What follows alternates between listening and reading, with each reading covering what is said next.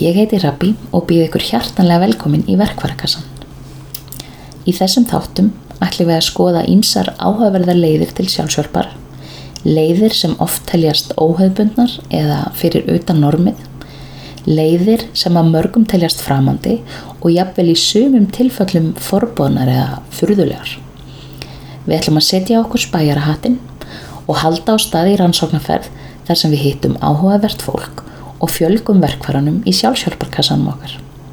Ég hlakka til að læra ímslegt nýtt og spennandi og vona að þið njóti ferðarlagsins með mér.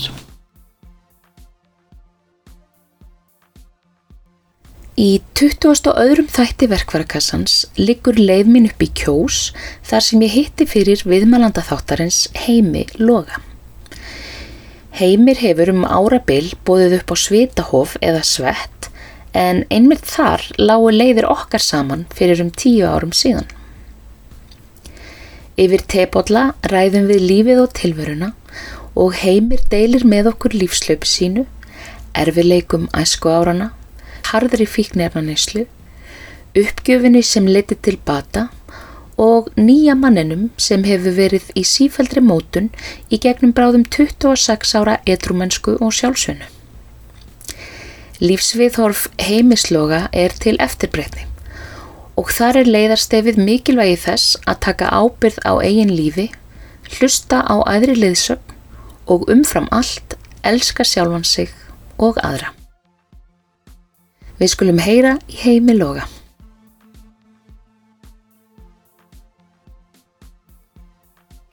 Sæl og blessa er heimi logi. Kondur sælframildur Takk fyrir að taka mótið mér.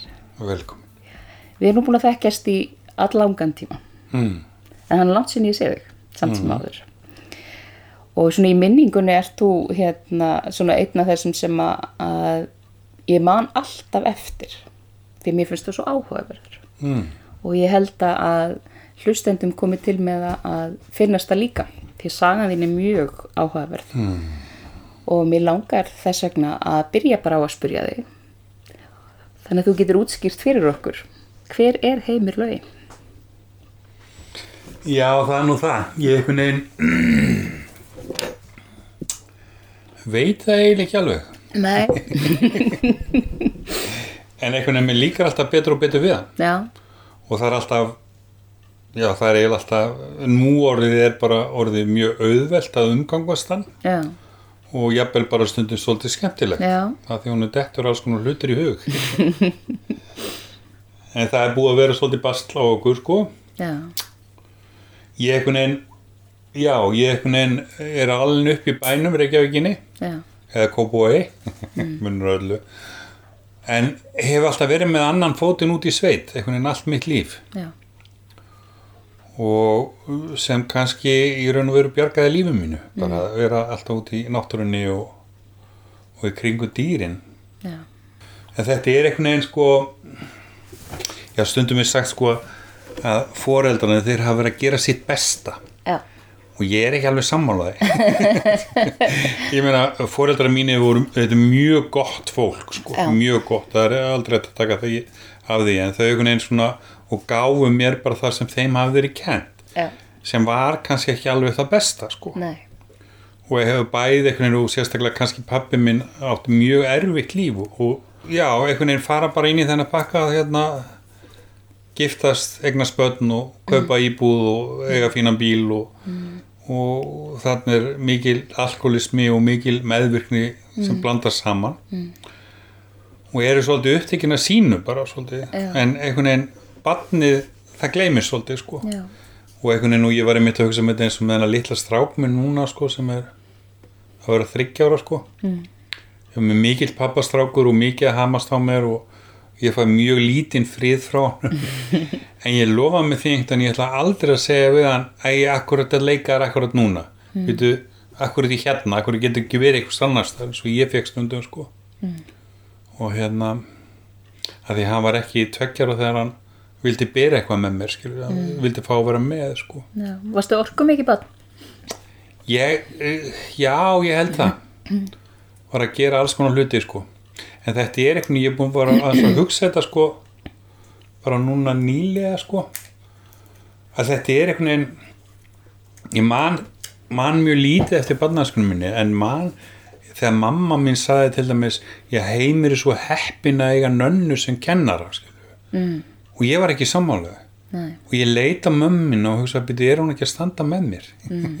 en eitthvað ég skilju og auðvitað var hún að standa með mér og allt það en, en sem sé, ég get ekki treyst henni mm. og þetta var alls konar svona hlutir ykkurir og ég held ég hefði bara svolítið slögt á mér einhvern tíman Já. sem barn mm. að því að hlutinni voru ekki alveg svo ég vissi þeir ætti að vera Já. í raun og veru og það er engum að kenna henni svo leiðis heldur var þetta bara þannig einhvern veginn eins og í skólanum og þá var ég settur á grænaborði það sem eða tossarnir voru þeir sem áttu í námserfileikum sko. og ég man ég sata og þú voru einhvern veginn annar kennar að segja sko og bent á Jón og Nönnu sem voru þarna í rauðaflokknum sko sem voru best sko Já. Já, ef þið leggið á ykkur og vandið ykkur og gerið eins og við viljum einhvern veginn, að þá getið þið komið á rauðaborði, skilju mm. og ég man ég horfði á Björgvin sem var með mér þarna og vonleysin sem sko skein út úr andlitinu á honum sko. Og ég bara man að ég var eitthvað það pingulítið pjakku sem hugsa, þetta er ekki rétt Mm. og einhvern veginn já og svo einhvern veginn þegar ég komið niður 50 þá og búin að ganga algjörlega frá mér við að reyna að fitta inn og passa inn í og allt það sko Mhm. og þá heit ég einn öndveið sálfræng sem sagði bara heimir þú áttir aldrei möguleika þannig með þarna fína aðtiglisprest og lesblindun og fleira og fleira Mhm. og áttir ekki séns í þetta skilur. Og þetta er saga margra Mjög margra, sem að, sko. að finni kynsluð og og í, í, já, þetta er ennþá í gangi. Já. þetta er ennþá í gangi. Já, já. allir þessi litli strákar sem fara ólæsir í gegnum allt skólakerfi já, já, það er eitthvað ennþá að sko. Þetta er ekki þetta er mjög oft sagt sko. Já, einhvern veginn þetta var einu sem svona nú er þetta en er ennþá svona. Já. Kannski annan hátt. Ef önnu byrtingamynd eða ég veit ekki, það er ekki lengur tossabekkir eða tossaborð heldur. Kannski, eh, ég segi allavega sem sko verið einsla mína af mentakerfinu sem bara kennari Já. sjálf er að mentakerfið er sett upp á þann hátt að það er ekki möguleiki fyrir kennaran að sinna öllu því sem hann þarf að gera. Það er, er ekki nóg mikið af fólki inn í skólanum Nei. til að geta ég held að þetta sé ekki sko kennurum að kenna. Nei, þetta, er bara, þetta er bara, þetta er bara kerfið sko. Já, algjörlega en hvað, ég einhvern veginn svona bara týnist þarna, ég er svona þetta þöglabann já, og hérna týnist svolítið bara. Og svo 12-13 ára að þá hérna uh, bara smelli í mér í neyslu. Mm, og stekk þar inn alveg, alveg, alveg bara já og mjög áhuga samur og einhvern veginn og var þar 20 ár. Já. og stóð með eins og hetja Já, í já. þessu að vera bara fíkill og hvernig byrjaði það? Hvernig, hvernig byrja maður að vera fíkil? Hvað, hvað gerist? það er hérna já það er bara þegar að er búið að brjóta þið svolítið vel niður bara eins og var búið að brjóta mig niður eða kannski var aldrei, ég var aldrei byggður upp í raun og veru nei, og var ekki þetta að brjóta niður svo einhvern veginn bara er þetta spennandi mm. Þetta er ólulegt það má ekki. Og maður er alltaf að og ég held að það var aðalega verið það bara einhvern veginn að og einhvern veginn og fekk náttúrulega bara kjarkin með því að drekka smáæs og svo var maður ennþá meiri töffari þegar maður fór reykja kannabisefni og gera allt hitt sko. Já. og svo einhvern veginn sko sem ég er nú kannski ekkert búin að tala mikið um og einhvern veginn kannski ekkert mjög margi vita að því en sko því ég er 17 ára þá frem ég eiginlega eina aðbróti mitt eins og ég segi sko. Að þá, það eru ofbeldisbrot og ég lem konu.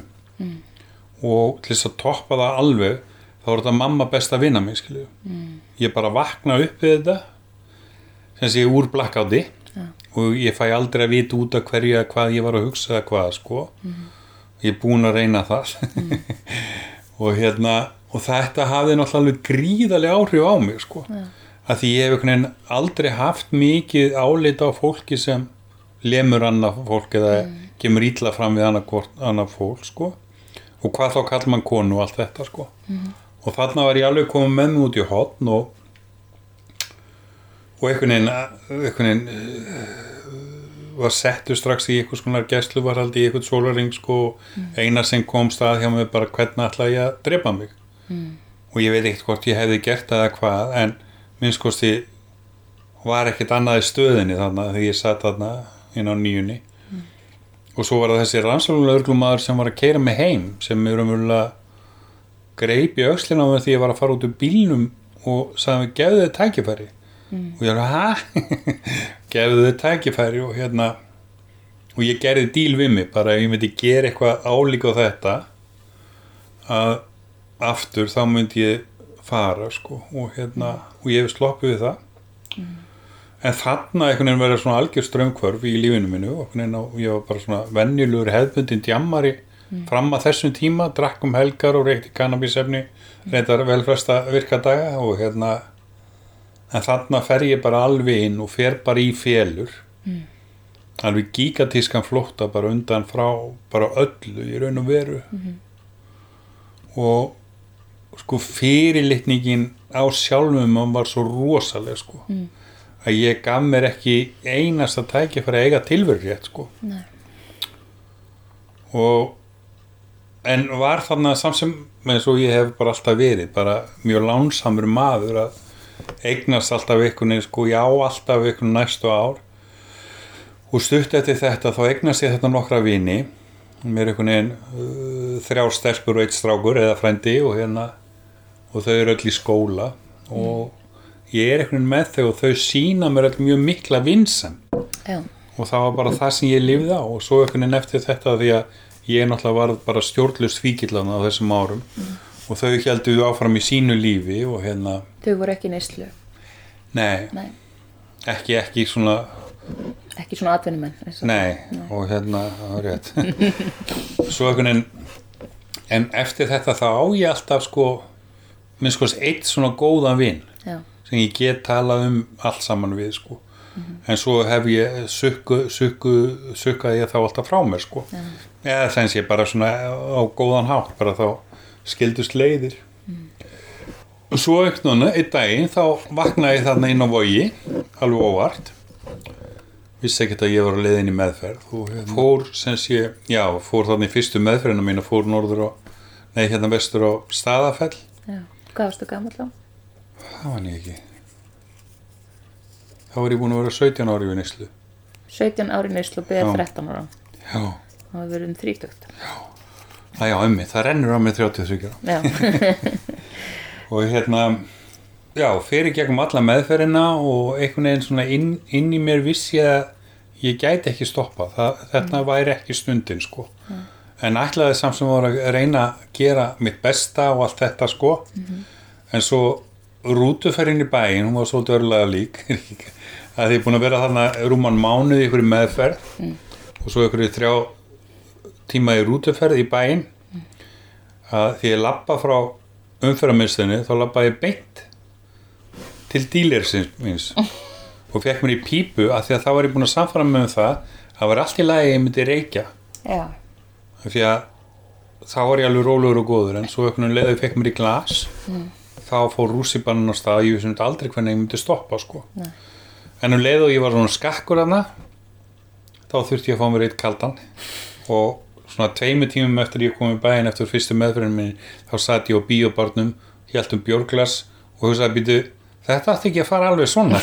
Hvað hva gerist skilji en þetta var bara þannig en svo fór ég sjösinn mín á vóg næstu, næstu þrem árum sko. það tók mér bara þrjú ár. Og það var eiginlega eina sem ég gerði öðruvísi í sjönda sinn sem ég fór. Og þá var ég að labba í gegnum ellavadalinn og það var svona rigningar sutti og ég man að krakkarnir voru byrjar í junglingavinnunni þeir voru eitthvað að raka þennan stíg sko sem ég var að labba eftir nokkri krakkar og því ég var að nálgast þau þá fóruðu öll út af veginum skilju bara svona eitt í einu sko. Mm. og ég hugsaði bara vá hvað er svart í kringum mig skilju mm.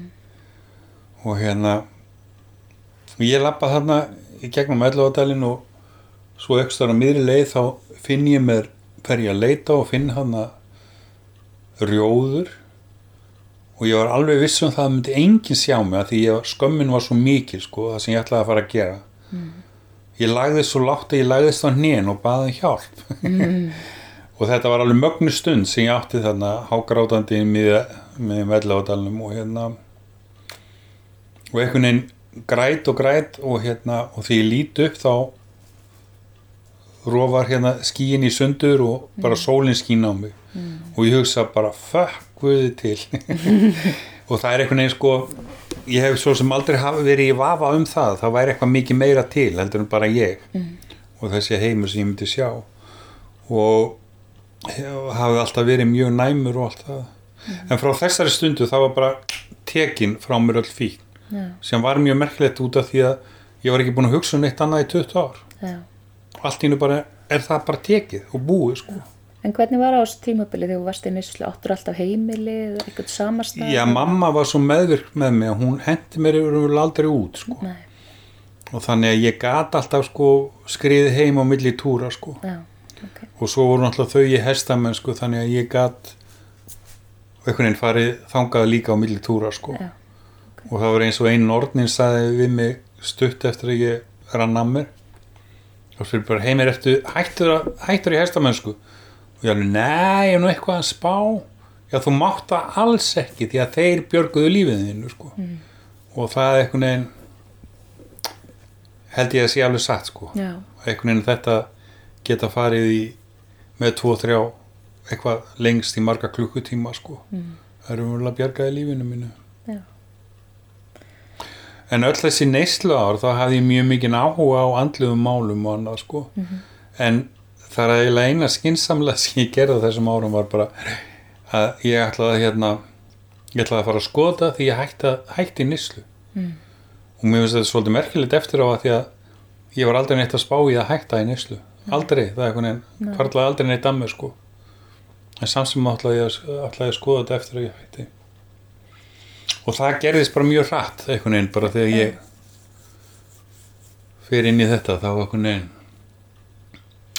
ég rennur að mér þá fer ég bara að skoða alls konar alls konar og alls konar og einhvern veginn er svo lánsamur eina fyrir enn að ég hitt hana Fríðbjörgu gömlu hérna sem er með kærleiksetri já, í Moselsbæ.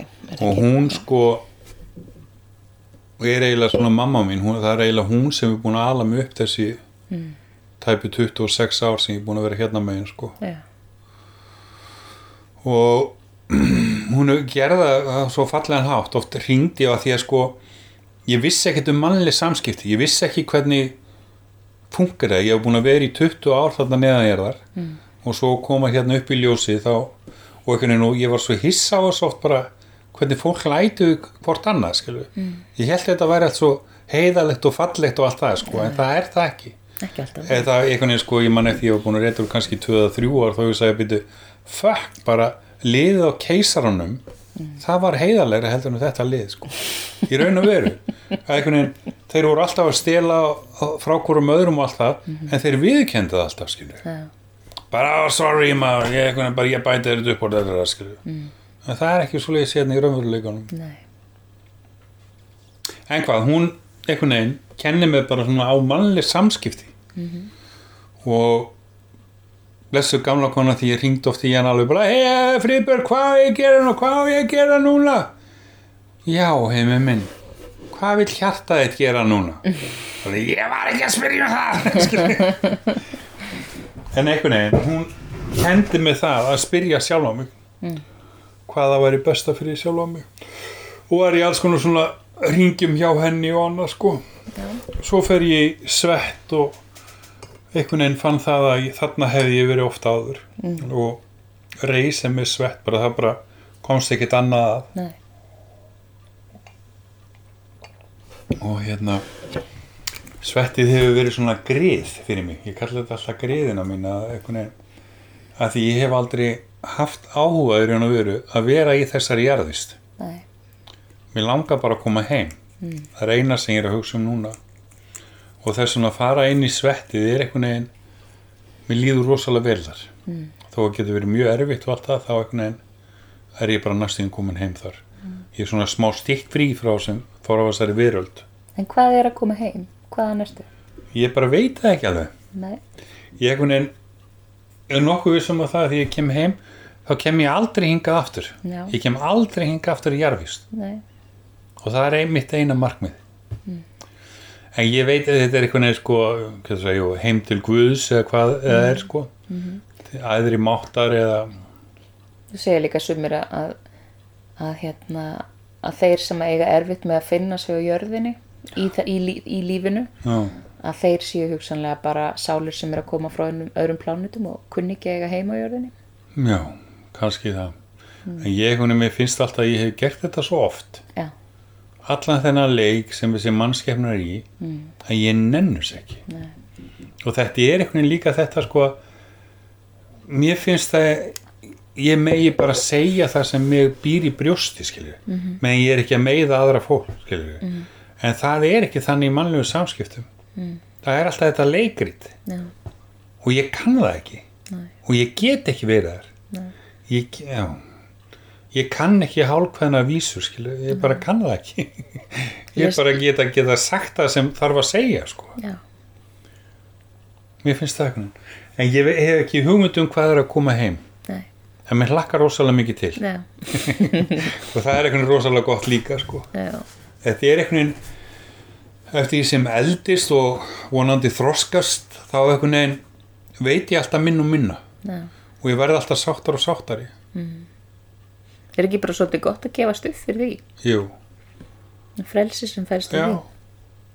Og það er eitthvað þetta bara að sleppa bara sleppa, sleppa, sleppa, sleppa, sleppa, sleppa, sleppa, sleppa. Og svo eitthvað þetta já uh, mitt líf er mér sjálfum að kenna. Það er einhverjum öðrum að kenna. Nei, taka einhvern ábyrð hmm, maður þarf að taka ábyrð já. Já.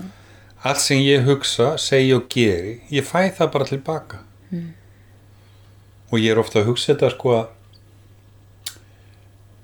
ég er reyndar nýbúin að vera að skrifa þetta svolítið niður sko þetta ofbeldi sem ég hef hitt fyrir á æfinni sko. Bæði sem ég hef gefið og það sem ég hef fengið. Og mér finnst þau mikið að ég hafa fengið mikið meira heldur en það er ekkert já, það er engin ballas í því sko. En þá er þetta sko að ég hef verið svo óbúðslega óbúðsisfullur gagvar sjálfum mér sko. Já, að þá hef ég fengið það frá öðru fólki sko.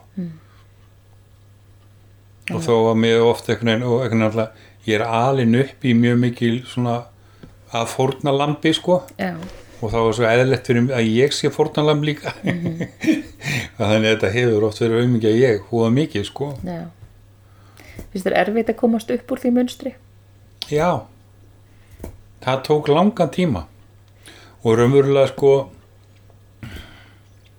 og dett stundum inn í fórnalambi sko þetta er af því að í raun og veri er þetta rosalega gott. Einhvern veginn að bara að ég auðmingi það er ég það er allir svo vondi við mig og allt það sko. En þetta er ömuleg líðan sko þetta er ömulegt hlutskipti í raun og veru sko. Og einhvern veginn um þeim í þetta eh, þú veist, að tala um sem frelsi að þegar að sko þegar mín tilver og mitt líf er bara mér að kenna það er alveg rosalegt frelsið mm -hmm. Það er alveg gigatískilur mm -hmm. einhvern veginn þegar maður er alltaf inn komin á það en ég er dett stundum inn í bara og einhvern veginn gagvart svona ákveðinu fólki já, að þá er einhvern veginn svona ósjáráðu viðbröð hjá mér að vera fórnalambi sko. En ég næ yfirleitt alltaf strax í skott á mér sko. Já. Og einhvern veginn að ég nennus ekki. Er það ekki svolítið þannig kannski sem svona meðvirknin virkar? Að maður losnar aldrei almennilega við hana en maður kannski einmitt lærir að, að grípa sig þegar maður fer já, já, þetta er eiginlega sko þegar fólk er alltaf að reynsa eitthvað út já, ég held að nei það er ekki, þú getur ekki díla þetta eins og tölvu þú átti þetta alltaf eða þá sko. Mm.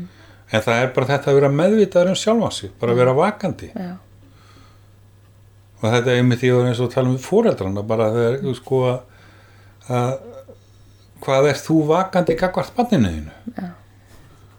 hvað er þú að sinna því mikið og mm. þeirra þörfum og annar sko og löngunum mitt. En þú talaður um svettið eða sveitahófið. já, Hvernig, hvernig lendur þar? Hvar fórstu fyrst í svett? það tók smá tíma og einhvern veginn eins og þetta er alltaf sko, þetta er einhvern veginn að því að lífið er ekki tilvílin nei, nei, það er það bara einhvern veginn akkurat þegar ég er tilbúin þá Mm. dettur það einn sko. Mhm. ég hérna fór þarna í Ella á dalinn þegar ég var nonn og heiðari sem voru. Fyrir með þetta. Var, það, var það fljótlega eftir og varst þér? ég held að ég hef svona verið rúmlega ár skamall eitthvað leys Já, og hérna og síð, ég var þarna bara í eitt eða tvö ár hjá þeim. Mm. og minn sko sé aðra hverja helgi eitthvað leys sko. Já, og jafnvel oftar sko þetta var eins og að koma heim Mm. og svo einhvern veginn bara fljótlega reysi mig svett hérna í kjósinni og er búin að vera með svett síðan þá sko já, og ég hef alltaf sagt sko einhvern veginn með, með að svetti e, sko þetta svett sem ég er með hérna þó að komi oft fullt af fólki til mín Mm. þá er þetta svett fyrst og fremst fyrir mig Mm. að meðan að þetta svett er að virka á mig Mhm. þá fer ég já. Ef að hættir einhvern að virka á mig þá hætti ég það er bara þannig Og hvað ertu búin að vera lengi með svett hér? svona 24 ár sennilega sko. Þannig að það er margir sem hafa í gegn já og margir fastir áskrifundur kannski líka. Já og nei, þetta er eins og svo margt annað, einhvern veginn að fólk þarf á þess að halda einhvern x langa tíma Mm. og svo er það búið sko Já. Það er eins og bara eins og sjósundi sko. Mm. fólk er þar á ákveðin tíma og með, með mjög margt sko. Og hvað er það sem þú upplifir í svettinu? ég veit það ekki. Það er einhvern veginn sko ég spyr stundu fólk að þessu og það fyrir að lýsa í mörgum orðum. Já, hvað það er sko. En þetta er eitt af því sem hún getur orðin ná ekkert yfir sko. Eins og svo margt annað. Það er einhvern veginn við erum mjög, mannskefnan er mjög upptekin að því að reyna að fá aðra inn í að skilja sig og upplifa upplifun að sína sko sem er bara vonlust að reyna að útskýra. Já, það er einhvern veginn já. Já, ég er með sko stjálu komið þangað núna einhvern veginn, ég er búin að gefast upp á því að reyna "Ó, sjáðu hvað þetta er falleg skilur eða eða, reyna að útskýra hvernig mér líður hvernig mín upplifun er á þessu sko. Mm þetta er bara fyrir mig einan þetta er ekki fyrir neitt annan sko. Og einhvern veginn og önnur manneski getur aldrei skilið í raun og veru sko. Og alveg sama hvað eigið mörgum orðum í það sko. Þannig að hver og einn er bara þarna á sínum fósitum, á sínu Algjörlega, sko. ferðalagi. Finnst þér þú þér vera stýrt þegar þú ert að halda svett? Eða finnst þér að, já, já, að já, það sé einhver sem leiði þig áfram? já, já, já. Já. ég einhvern veginn sko þetta er svona þroskaganga mín bara þetta svett Mm. og þetta er einhvern veginn sko þegar að var byrjað að kvísla að mér fyrst sko Mm. að þá var þetta erfitt fyrir mig Mm. það var erfitt einhvern veginn að taka þessa aðtöp sem ég hefði fengið bara frá ellegadalunum Mhm. og fara að segja eitthvað meira Já. af því að sjálfsverðingi mín hefur alltaf verið mjög léleg eða hvað er maður að segja veikburða og þetta var mjög eh, sem sé, hjálpaði mér mjög mikið að því þetta var inn í myrkri. Já. að fara að segja alls konar hluti. Og svo allt í henni var ég bara komin með það. Og það voru sömu sem verðu mjög fúlur út í mig. Bara stein hætt að koma í svett og hætt að tala við mig töluðum um, að ég var að springa úr í ego og eitthvað svona sko Já. en þetta var bara einhvern veginn í bara haldið að mér að ég ætti að tala um þetta og þetta og þetta og sem ég og gerði bara og er ennþá að gera og ég fekk til að segja frá Þískalandi hérna kunningja minn í svettengtumann mm. og þegar hann kom út þá sagði hann vá, þú ert að reyna að fá fólk til þess að elska sér sjálft mm. Og ég alveg, eða það? Þá var ég ekki búin að hugsa neitt út í þetta í raun og veru, hvað var í gangi. En það er kannski að það sagt, ég er að er að reyna að fá fólk til að bera smá virðingu fyrir sjálfum sér sko. Að því það er einhvern veginn þetta sko að ef þú átt ekki ást til þín getur þú þá gefið ást? Nei, ef, þú getur ekki gefið það sem átt ekki sko. Nei. og þetta er alltaf, við þurfum alltaf að byrja okkur bara eins og flugvölinni þegar að súrefni skrýma þetta niður. Já. ef við þurfum að reyna að tróða hann á öðru þá degjum við. En hvernig hefur svona þitt fólki í þínu svona nánasta umhverfi hvernig tók það því þegar þú fórst að færa þig yfir á svona andlegar breytir ég veit ekki það eitthvað neins sko að því að þetta er mjög mikil meðvirkni. Já, og mér finnst þurfumlega ennþá núna þú ég er búin að vera eitthvað í eitthvað tæp 26 ár að það er ennþá komið fram við mig eins og ég sé í neyslu sko. Já, að því ég hef breyst en þau ekki sko. Já, og sem er bara gangur lífsins sko. Og einhvern veginn og líka það að það er voru gott að hafa þetta bara óbreytt. Já, finnst þeim. En eða bara fólkið í lífinu rumurlega sko. Að því þú ert sem sé mannskefnar er hrætt við þetta ókunna en það einhvern veginn bara jújú, jú, ég fekk sem sé uh, reisti svett fyrst á lóð hjá fóreldrum mínum og allt það, það er alls konar þau hafa alveg umborið sérfiskuna mína í raun og veru sko. Já, meðan þau hafa ekki verið að tröflast mikið að því sko. Nei. og það var allt í lagi en það er einhvern veginn, já önnur sýsti mín kemur stundum til mín í svett og annað sko. Já, og lítill frendi minn kom en ekkert mjög margir úr ættinni minn í raun og veru en það er bara eins og lífið er nei. Akkurat. Hefur þú séð mm, fólki sem var þér samferða í gegnum neyslu áriðin náttúrulega svo svona margir farnir nú þegar. Mm. um, finnst þér nú er ég svona að að þrefa fyrir mér myrkrinu sko, ég, ég veit ekki svari sjálf. Um, þegar fólk nær bata í rauninni eða er að vinna í bata. Sagt þegar þú hefur átt við fíknastríða ég er að velta fyrir mig bara mununum á því að hver er mununum á því að bara hætta að drekka og gera svo bara ekkert meira. Heldur bara hætta. Þú veist hætta í neyslu og, og halda svo bara áfram með lífið. Eða að hætta og fara í svona ferðalag hvort sem það eru tólsporin eða einhvers konar ferðalagi eins og þú ert náttúrulega búin að vera stanslösu ferðalagi því maður, hefur séð, maður sér náttúrulega bæði. Þannig að ég er svona að velta fyrir mér hefði það til dæmis virkað fyrir þig heldur að bara hætta? Sem betur fyrir reyndi ég það ekki.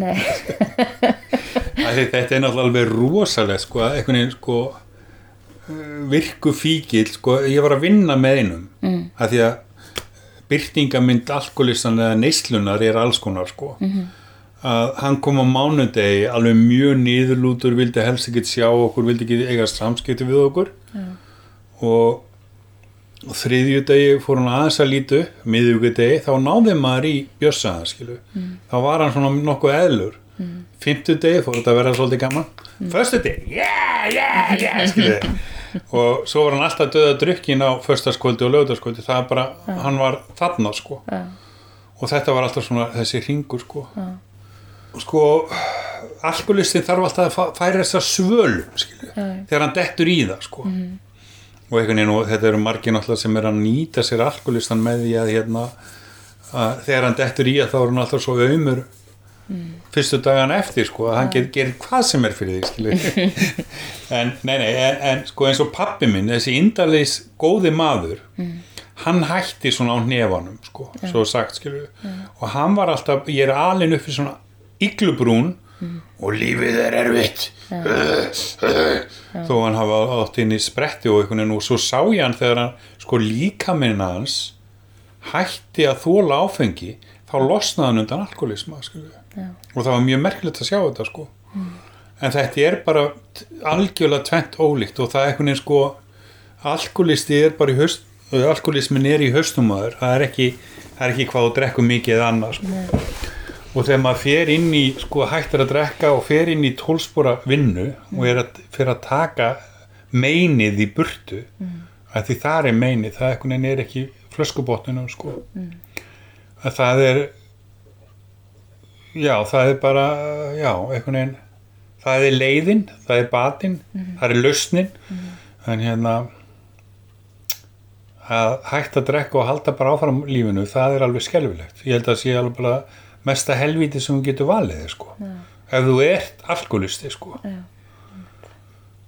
og ég, ég svona sé mörg sko alveg skelfileg dæmi svoleiði sko að þá er mitt færi alkoholistin aldrei þessa svölun sko. þetta er raunverulega eins og meðvirkni hann sko þú færð aldrei þessa svölun sem alkoholistin fær sko Nei. en það er eitthvað það magnaðasta ferðalega sem ég fari í okkur og ég held þetta sé eitthvað það, eitthvað það árangus ríkasta bara sem til er í heiminum mm.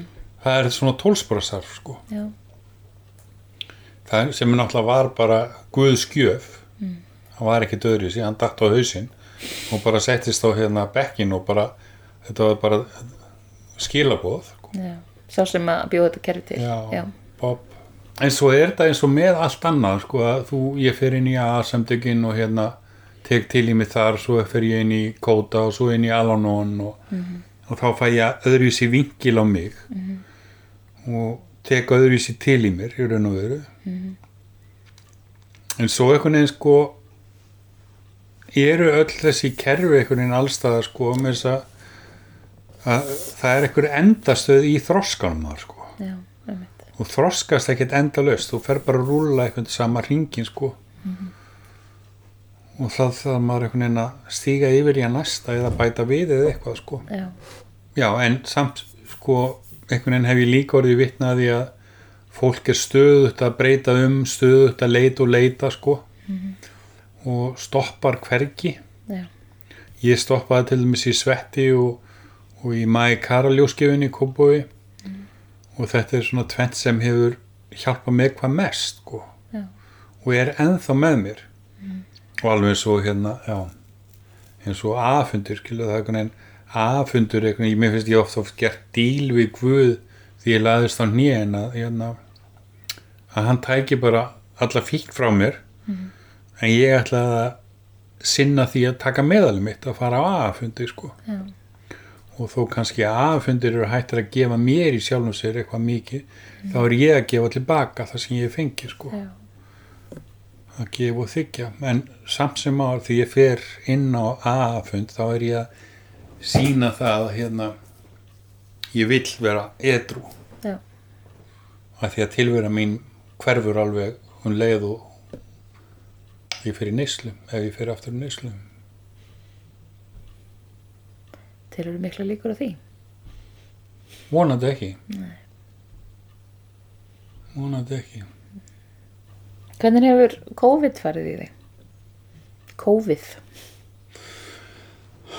Að því ég á hérna ef ég geikt já, og einhvern veginn er búin að uh, bara fara illa með skrokki minn þessi, og einhvern veginn hann er ennþá hann er ennþá í aflefingu neslunar þó að síðu kom þetta mörg ár og þá veginn eins og lækniðin sagði við mig að heimum minn stingdiði bara hún í hólu það er ekkert vist þú uh, standir upp ef þú færir COVID sko, og hérna. Já, þannig ég er bara búin að vera hérna meira og minna inn í kjós sko. já, og í sjálfum sér hefum við líka þetta bara vel.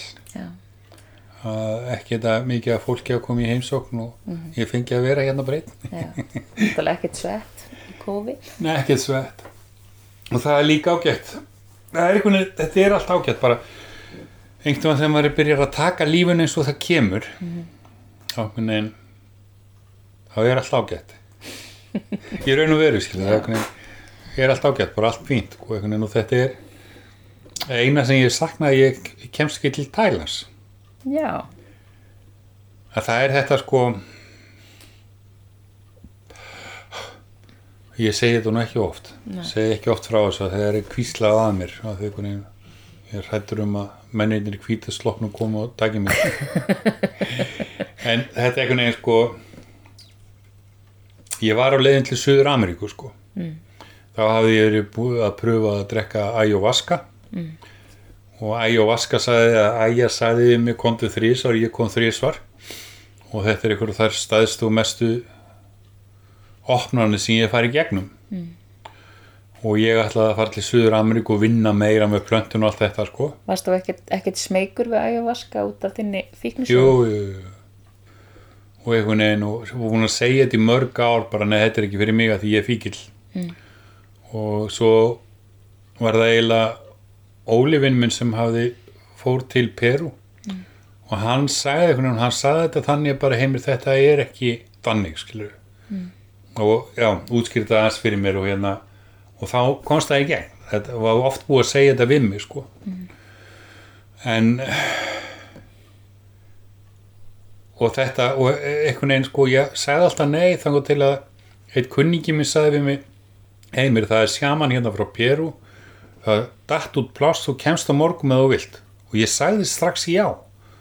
Og greip svo um hálsun og sagði býti hvaðan kom þetta já? Og og einhvern veginn og bara stutt á eftir fæ ég bara skilabúðum og ég væri best fyrir maður að koma þrísvar og sleppti aðeins bara að öllu og hérna og fyrsta skipti var ég með sínt hérna óttinn minn og óttinn annara og annað sinn var það hérna bara kærleikurinn minn og svo þriðja sinn var það sásökinn minn. Og þetta er ayahuasca sín eða bara eitthvað í þér. Já. það er ekkert fyrir utan það sko og svo því ég fór í fjórðasinn þá kom Æja til mér og sagði byrju ég sagði bara að koma þrísvæl en velkomin og það hafa verið allt allt öðruðs í ferðir sko. Og núna efast ég um að ég fari náttúrulega aftur í ayahuasca en hver er veit sko. Og þetta er einhvern veginn já, einhvern veginn og þetta eru svona edru fólk margi hverjir eru með mjög sterkar skoðunur á þessu.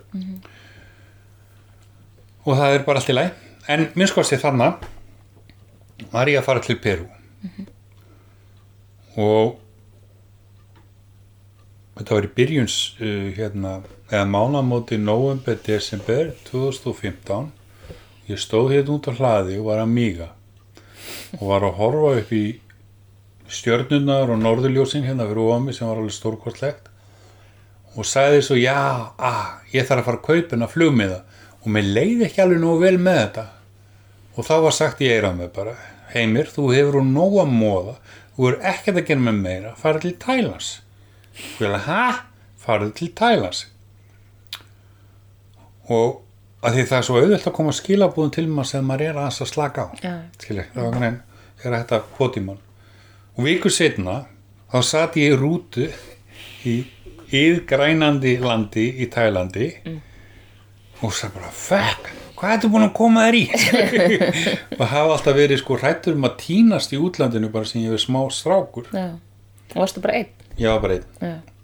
hafði fengið svona ferða ráðleggingar frá nokkurum sko þessa viku sem ég var sko að ætlaði að verða samferð á einum en einhvern veginn bara var allt í unna þetta eitt sko. Og var á milli hérna Bangkok og Pattaya eða Sodom eins og við kalla hana. Og og þá var svona fjekk ég alls konar miðlun en svo kannski sko eins og þú veist það þegar ég byrja að miðla til þín þá er þetta einhvern veginn orðið svo eðlilegt að þú heldur þetta bara sérst rosatt þú sem ert svolítið klár. En einhvern veginn fór ég bara ok heimi nú ætlar að taka bara öllu hérna eins og það er. Bara skildu dómaran eftir. Og ég með tókst það og fór inn í Sódómu. Bara annað kvöldi held ég síðan var þarna eitthvað. Þá var ég að lappa eftir ströndinni og þá allt í hennu rekst ég á það að það voru smá fordómar í mér. Bara ertu rasisti heimir? Og þetta var svo mikið sjokk fyrir mig. Ég? Og hérna og þetta var bara algjör sjokk og ég fór nýr í fjöru og hérna uh, niður á strönd bara og settist í hugleyslu og þá var einhvern veginn tala við mig einhvern veginn að þetta sko að þetta sé í raun og verið ekki ég heldur er þetta bara hvíti liturinn minn sko. Mm. þetta er bara genunum mínu sko. Já. og þetta var mjög gott einhvern veginn að reynsa þetta út strax bara þetta viðhórum mitt. Og það var mjög margt þarna sem ég þurfti að taka á innra með mér þessari, þessari gigatísku mötun sem við verðum öll fyrir að taka hlutunum og gefa fólki í öðrum heimsluta heim, heim, heims álfu frelsi að vera eins og þau voru sko. og það var svolítið átak Já. ég vissi oft betur eða sem sé, ég er búið að kenna mér það og ég var þarna og ég eftir einhverjar kannski fjóra-fimm daga þá bara andlegi maður í ég ég get ekki verið hérna skilu mm. af því þá var öll vestran menning á bakinn á mér ennþá Já. Að segja bara þetta má ekki vera svona því að þetta er náttúrulega mikil vændi, mikil bar og alls konar þetta sko eins og ég kalla þetta bara sódómu skilu og þá var sagt ég á mér bara vertu hér. Og ég sagði aftur, hæ? Vertu hér? Og svo einhvern veginn þegar ég hitti sól í fyrsta skipti þá er sagt mjög skýrt í mér þetta er hún. Og ég sagði hæ? þetta er hún. Og þess vegna erum við ennþá saman Já. Hún er sem sagt konaðinn. hún er eiginkona mín Já. og ég er búin að kenna mér alveg gigallis margt og ég hef aldrei hitt svona góða og fallega mannveru Mm. og þetta er, hún segir oft I never think bad Eh, ég hugsa aldrei vont eða ljótt og ég trú henni og þetta er einhvern veginn sko fyrir rétt rúma ári datt hún aðeins út og fór aðeins inn í hérna neyslu og fór inn í að reykja methamfetamin og halda við ykkur stórgleipa menn og alls konar svona bara fór bara út á djammið alveg alla leið. Og það var rosaleg kensla fyrir mig.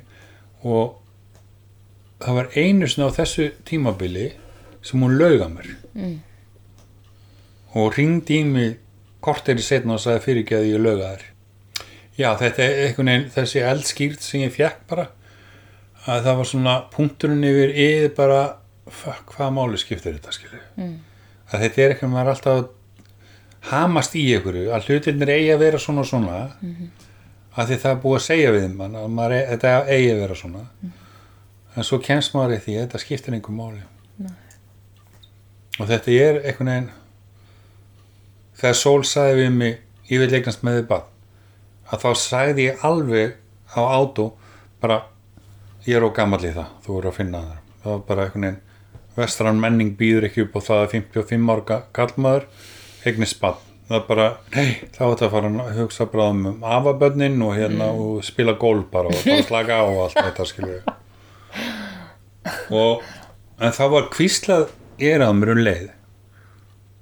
Og það var einhvern veginn, þetta var svolítið sniðu sko, hvernig var, nálgunin var beint inn á kallmennskuna bara nú hvað?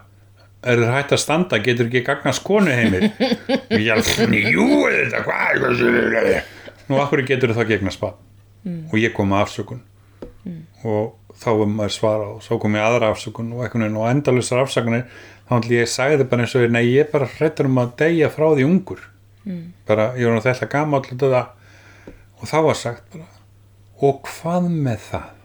Maður kemur í mannstall mm. og þetta var sagt einhvern veginn þannig að ég fylltist alveg vissu og bara ok, við skulum eignast bann og þess vegna kom Solvin sem er alveg gigatísku kennari núna sko, þessi litli strákur að sko tælendingar og þessi assíu þjóðir allar einhvern veginn geta kent okkur svo mikið sko.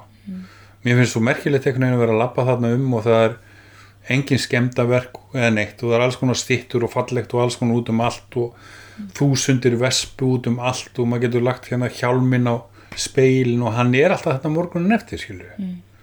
það var ekki hægt hérna neinstæðar Nei. í Evrópu skilju en þannig er þetta hægt. Okkur heldur það sé. Að þér er kent í skóla að þú lígur ekki, þú stelur ekki Mm.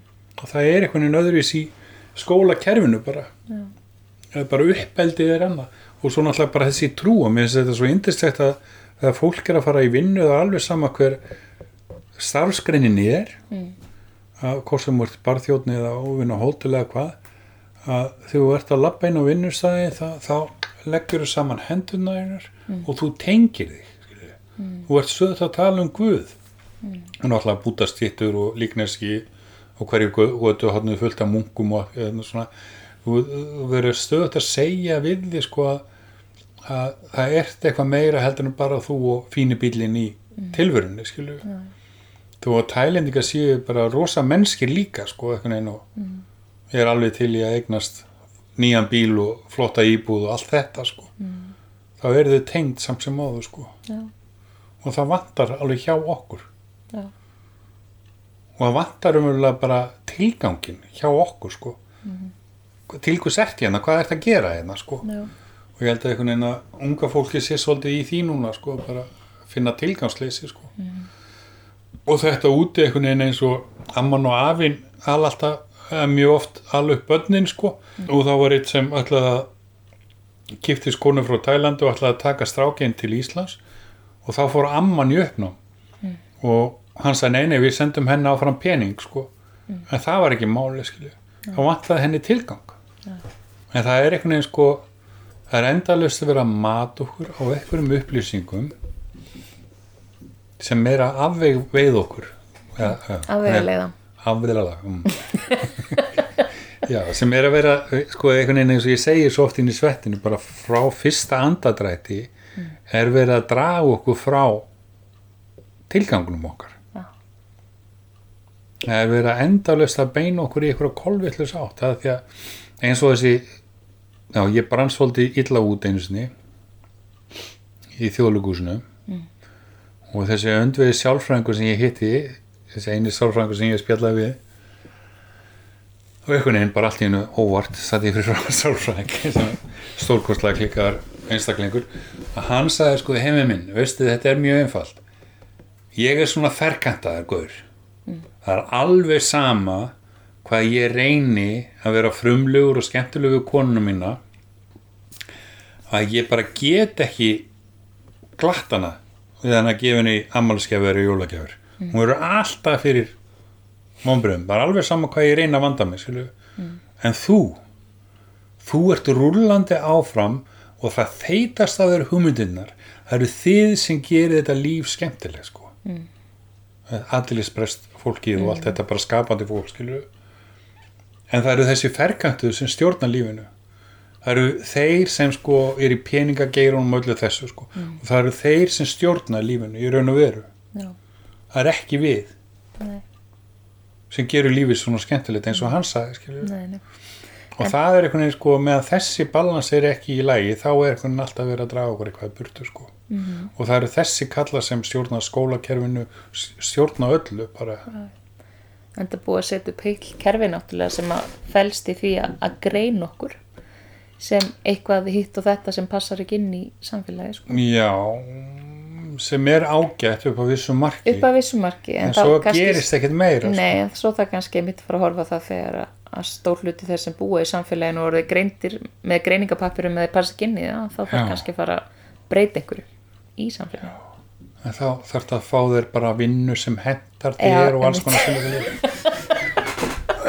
en nei þetta er einhvern veginn þetta, það þarf svo, þetta þarf svo rosa mikið. Það þarf einhvern veginn að byrja bara Já, í leikskóla. Já, og eins og þú varst að segja annars sko með hérna skólakerfi að það þarf bara eitt kennari og hafa kannski sjö krakka eða tíu krakka eða eitthvað skilur ekki 20 eða 30 eða hvað þetta er sko.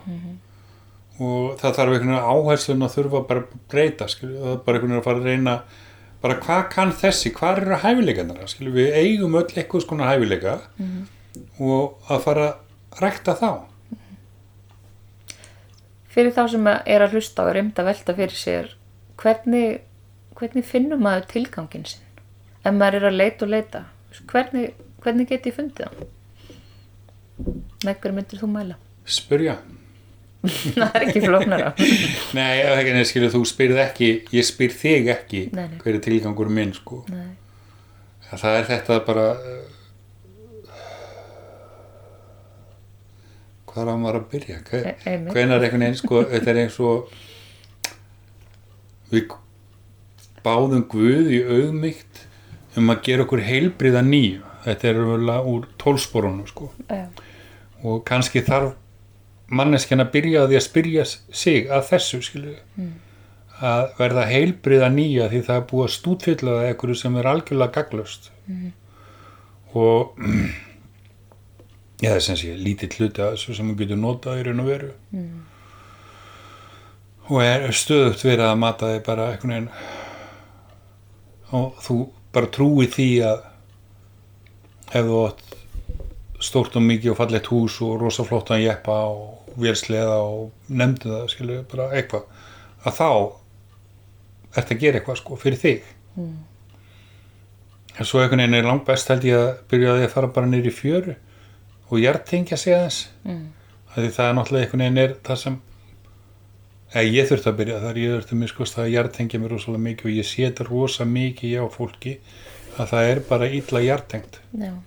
og hausin er okkur í þeitivindu og út um allt sko Hvað gerði fyrir þig að hjartengja þig? Hvað fannst þið breytast bara róaðist hugurinn minn Já.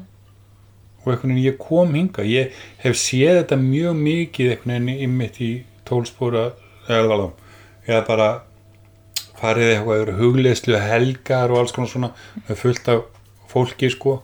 Og áberandi með, með, með ungt fólk sko sem er að huglega rosalega mikið og fer upp í bliss já, og er rosa gamaður bara flissandi og gaman og allt það. En þú ert ekki með neina hjartengingu mm. og þetta bliss og fallegt, þetta springur alltaf alltaf, skilur mm. mjög slæman hátt Já. og skellinu, þú skellir niður aftur er mjög vond sko. og því að veginn þegar maður er í hjartengdur þá er þess öðruvísi. Það er einhvern veginn þú líka kannski hefur meiri uh, möguleika á því að draga með því lærdóminn úr blissinu Já. Og eitthvað þú ert bara nær þér. Bara einhvern veginn þú ert hjartengdur sko. Já. en ég segi nýr fjöra því að það er sterkasta hjartenging þar fyrir mig með skosti og mér finnst þetta einhvern veginn þegar ég lappa nýr fjöru þá verður mér mála míga. Og það er bara akkur er það? Jú, að því ég slaka. Já. ég slaka bara svona rosalega sko. Þannig virka við einhvern veginn eins og eins bara út í skói eða eitthvað staða sko. En einhvern veginn það er líka hægt að gera hann í östræti sko. Já, Ég raun og veru, þá getur gert það hvar sem er. En er alltaf spennu stíð er svolítið mismunandi í kringu Já. en minn sko stíð myndi ég segja það að það og vera út í náttúrunni. Já, hæja á lífinu. Já, en svo náttúrulega bara huglega ef þú nærði að huglega tvísar á dag á mótnana bara um leið og vaknar og bara upp í og hérna upp í huglestu stellingu og hérna hvernig sem að henda þér. Og svo aftur á kvöldin bara 15 mínútur eitthvað, það er bara mikið þú getur. En einhvern veginn hu hugurðina er alltaf á fullu þannig að ég veit ekki hvað má bjóðunum mikið sko, sumi segja að sé bara max 15 mínútur, 20 mínútur. Og bara ekki bjóða hugunum meira sko. Og þá einhvern veginn hægt og rólega kemur þetta. Og svo einhvern veginn þetta er bara eins og hugleislan er, hún er ekki eins og klukkutími aerobík sko, veginn þú finnur ekki fyrir einhverjum vikum setna þá er allt byrjað að ganga betur. Já. en þá reyndar er það svo oftar en ekki maður tekur ekkert eftir því mm. en maður veginn svo, eins og ég tek eftir því núna ef ég hægt að huglega sko. já, þetta er mjög fljótlega sko, þá. já, fara einhvern veginn bara fýblin að þú hýflar um að fjölga Já, fjölga, eins og sagt er sko Nei, það bara fer, fer ég alltaf inn að flýta mér í umferðinni eða eitthvað sko mm. bara, það er alls konar svona sem ég er bara með svona pikkar í öxlinn á mér sko og svo að sleppa, sleppa og sleppa og sleppa sko, það er bara mér finnst mjög gaman að þessu víðsýna og opna fólki sko sem er er opinn fyrir allt og öllu og, og heimurum má alveg verið eins og hann er og derra og svo kemur það svona ákveðin málaflokkun sko og maður fyrir eitthvað einn bráðið þá bara nei þetta á að vera svona. Það sá er það ekki lengur opið og viðsýnt sko. Og þetta hætt að verja sig útskýra sig leifa sig bara að vera bara eins og maður er mm. og mér finnst þetta mjög erfitt núna ofta að hitta fólk sem já, þetta er svona út af því ég er svona eins og maður aði ma- maður er bara svona og einhvern veginn maður gerir sitt besta maður meiða sig ekki og meiða aðra og þá er þetta allt í góðu og ef maður meiðir aðra eins og maður gerir eins og ég er mjög duglegur að segja fyrirgeðu og afsakið við konuna mína sko. og hún skilur ekkert í þessu sko. En ég upplifa þannig að ég sé eitthvað ókurtis við hann eða, eða gera eitthvað að villusu þá segi ég bara fyrirgeðu sko. já. Það er eitthvað í þannig. Það er ofta erfiðast sem fólk gerir. Það er að, að, að fyrsta lagi að, að hérna, viðurkenna að maður hafi gert eitthvað rámt og, og byrð, og, og segja það við einhvern annan. Það er, reynist fólki oft mjög erfitt ég er bara svona rosa lófullkomin að hérna ég er að gera rosa mikil mistök alltaf já, og oft. Og þess vegna og einhvern veginn á mjög auðvelt með að segja fyrirgjöðu við svona velflesta nú orðið. En það er einhvern veginn þetta að reyna að sleppa því bara að fara að flysja út hvað, mál, hvað er það sem skiptir máli sko, já. Fyrir þig og það er einhvern veginn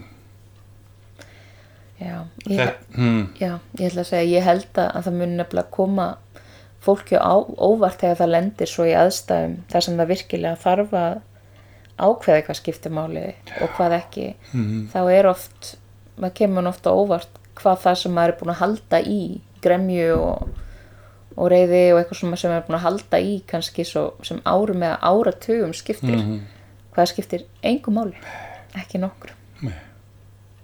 ég fann þetta bara sjálf sko þegar að, að móðu mín veikist af hérna heilakrabba Mm.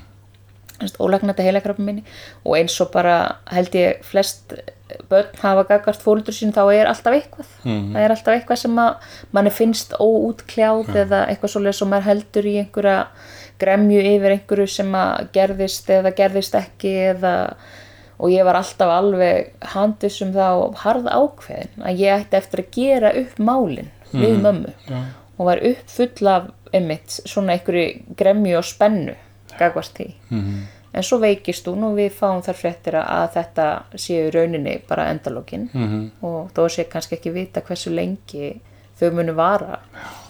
Að þá allt í einu bara öll þessi gremmi og allt þetta sem ég hefði haldið í það skipti ekki nokkru einasta máli ekki nokkru máli Þetta er með sko mamma nýkomin á spítalan núna. Já, og kemur vantalega, fer vantalega aldrei aftur heim sko, ekki þeirri mynd sem hún hefur verið og það er með þetta sko að bara knúsa og þykja mm. væntum þessa konu. Já. og bara senda henni bara ljós hún einn, já, bara kærleikurinn sem skiptir máli í rauninni. Já. Já, það er einhvern veginn þetta bara ég mitt, þess að ég er alveg er alltaf bara ástin það er það eina sem skiptir máli í raun og veru og þetta er eins og tælendingandi sögðum við, mig skilju það er einhvern veginn ég má vera nákvæmlega eins og ég er bara einhvern veginn, einhvern veginn mér er svo gaman að því að bumba mín að þeir bretta stundum svona upp já, og lappa svona bara. Já bumbun út bumbuna úti sko. Og það er enginn sem hýjar það er enginn sem er einhvern veginn að koma einhver aðdraðsemdur út af þessu nei, skilju að því þú mátt vera nákvæmlega eins og er mátt gera og segja og allt það. Þeir vísu sko skipta sér að þér einhvern veginn að þú ert að meiða sjálfa það sko. Að þá er aðeins byrjað að tala við þig Já. en þetta bara byr, ber, berðu bara virðingu. Það er einhvern veginn aðal stefi hjá þeim. Berðu bara virðingu. Fyrir bæði sjónu þér og, og öðrum. Og einhvern veginn og ég segi þetta bara byrjaði á þér. Og svo hinum, þetta er umverulega eins og lífsregluna fjórar segja. Já, en þetta er já, eins og sól hún einhvern sko fór ég að töða eitthvað rosalega mikið í henn og ég sá að hún var eitthvað myrk á svipin sko. Og ég bara, úfspýti, nú er ég búin að vera alltaf leðilegur og daginn eftir þá byður hún mig afsökunar og ég bara skilði það ekki. Já. þá hugsaði hún eitthvað illa til mín þannig að daginn áður sko. Já, og þetta er einhvern veginn sko því ég hitti sól þá kemur til mig bara ok ég ætla bara að gefa þessari konu ást ekkert annað.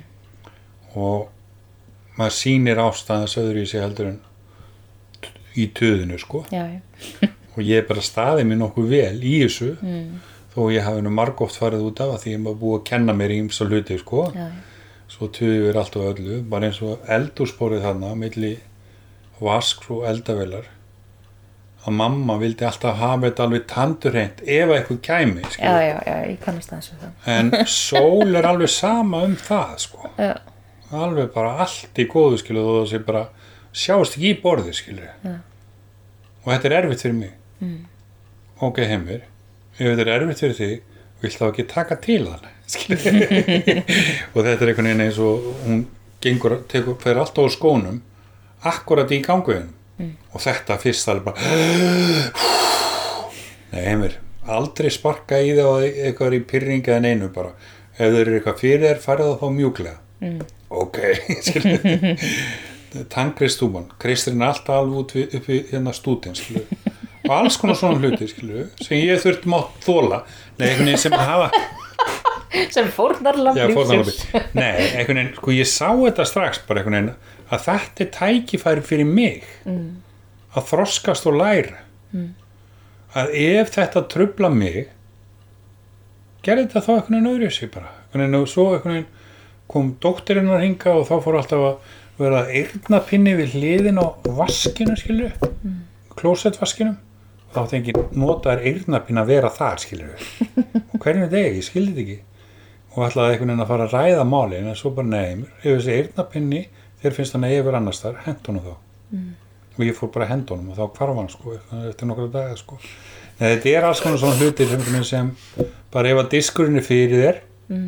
eða fyrir taugarnar bara færðan mm. vissulega sko í, í, sambúð og allt það þá þarf að taka tillit og bla bla bla skilju en einhvern veginn er það svo margt ef að það er að trubla þig mm.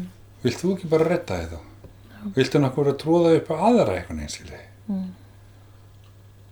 það er mjög góð pæling já mjög góð pæling og það eru mjög margir sem einhvern veginn er ekki alveg sammála mér í þessu Nei. en ég einhvern veginn finnst þetta mjög gaman mér finnst þetta mjög gaman ferðalega líka að reyna bara að gera mitt besta til þess að gefa þessari mannesku bara ást. Það er alveg sama hvað hún gerir í lífinu. Ja. en vissulega náttúrulega því að sko þegar ég horfi í augun á henni þá sé ég bara óendanlega ást mm. og það hjálpa mér mjög mikið. En samt sem maður, hún fór þarna alveg á skjön út og eitthvað söður mm. og ég ákvað bara að gefa henni ást já, þó ég hafi oft verið reyður og pyrraður og allt þetta sko, þetta var náttúrulega það var gigatíkst og erfitt ferðalag sko, þetta er einhvern veginn það er búið að vera rúmt ár sko, þetta ferðalag. Já. og hérna, en hér standið þið? Já, mér finnst ég verið einhvern veginn að lenda út úr þessu núna sko. Já, en það er rosalega einhvern veginn og þetta sem var búið að vera kvísla alltaf í mig núna út í Tælandi. Mm. og hvað með það? Já, en það var, skil, byrjar að segja þetta við sjálfum við bara, og hvað með það? mm. Bara ekki meiða þig og ekki meiða aðra. Mm. gerði þetta best til þess að elska. Það var bara fínt, flott. Já, það er tilgangurinn, frábært. Ég held að þetta séu frábær lokvörð takk kærlega fyrir spjalli takk.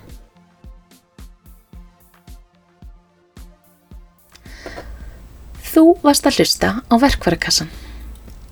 Að taka ábyrð á eigin lífi getur verið erfitt. Sérstaklega þegar og ef lífið hefur verið manni óvægið og áföllin eru mörg og erfið. Ég vona að þátturinn í dag hafi kveikt einhver ljósjá þér hlustandi góður og hvatti áfram í að vinna að bestu útgáfinni að sjálfum þér. Ég heiti Rabbi, takk fyrir að hlusta og ég hlaka til að vera með ykkur næst.